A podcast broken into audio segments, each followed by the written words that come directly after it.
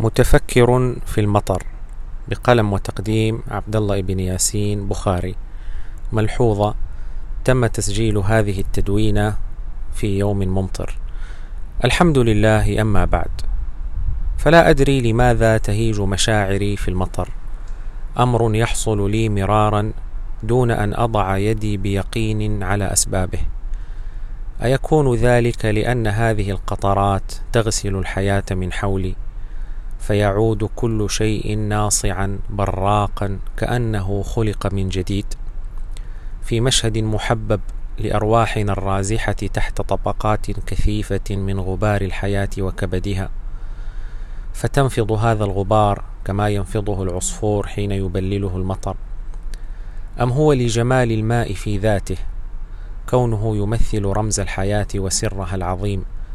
فرؤيته يتساقط بهذه الهيئة يبعث الحياة في نفوسنا المجدبة. أم لأن انسكاب الغيث بهذه الصورة الغزيرة يمثل تجسيدا لصورة من صور الرحمة والكرم الإلهي حين يأمر هذا الرب العظيم برزق مليارات الكائنات التي تعيش من حولنا وتحتنا وفوقنا منتظرة هذه القطرات.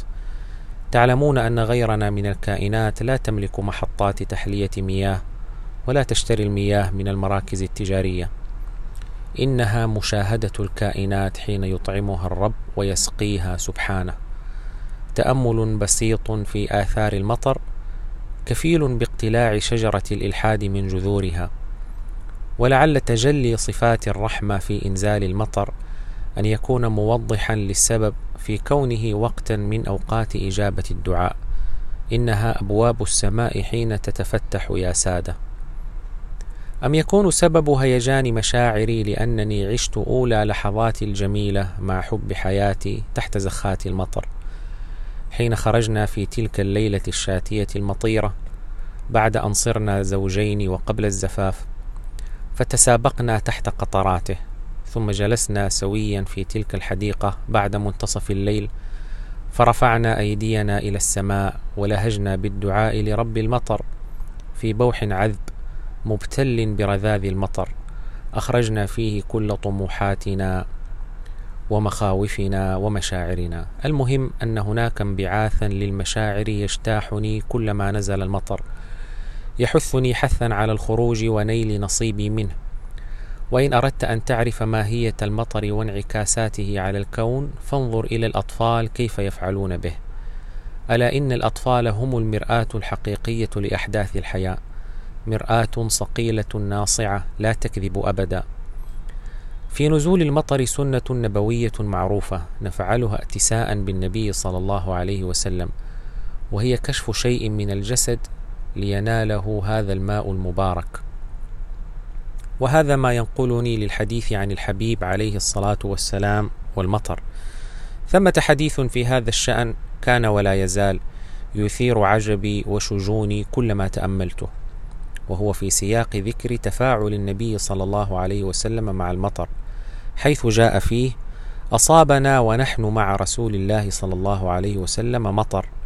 قال فحسر ثوبه صلى الله عليه وسلم حتى أصابه من المطر فقلنا يا رسول الله لم صنعت هذا؟ قال لأنه حديث عهد بربه تعالى. يا الله ما هذا الحديث وما أجمل مضامينه؟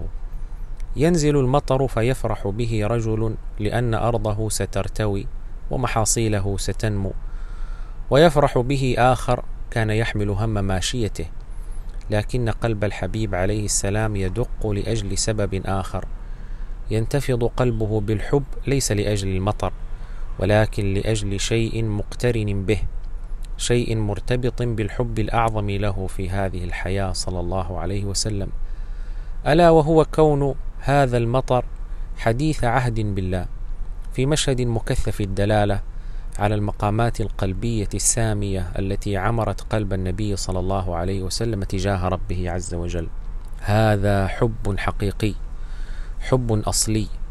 ألا ما أجمل الحياة مع الله وما أجمل حبه سبحانه؟ ختاما هل هل اشتهيت أن تعيش مثل هذا الحب؟ ثمة أسباب كثيرة واردة في الوحيين لنيله. من أهمها التفكر في جماله وجلاله وكريم صفاته سبحانه. ولكن أوصي نفسي وإياك بإحدى أفضل هذه الطرق وأخصرها الدعاء ثم الدعاء ثم الدعاء. اللهم إنا نسألك حبك وحب من يحبك وحب كل عمل يقربنا إلى حبك.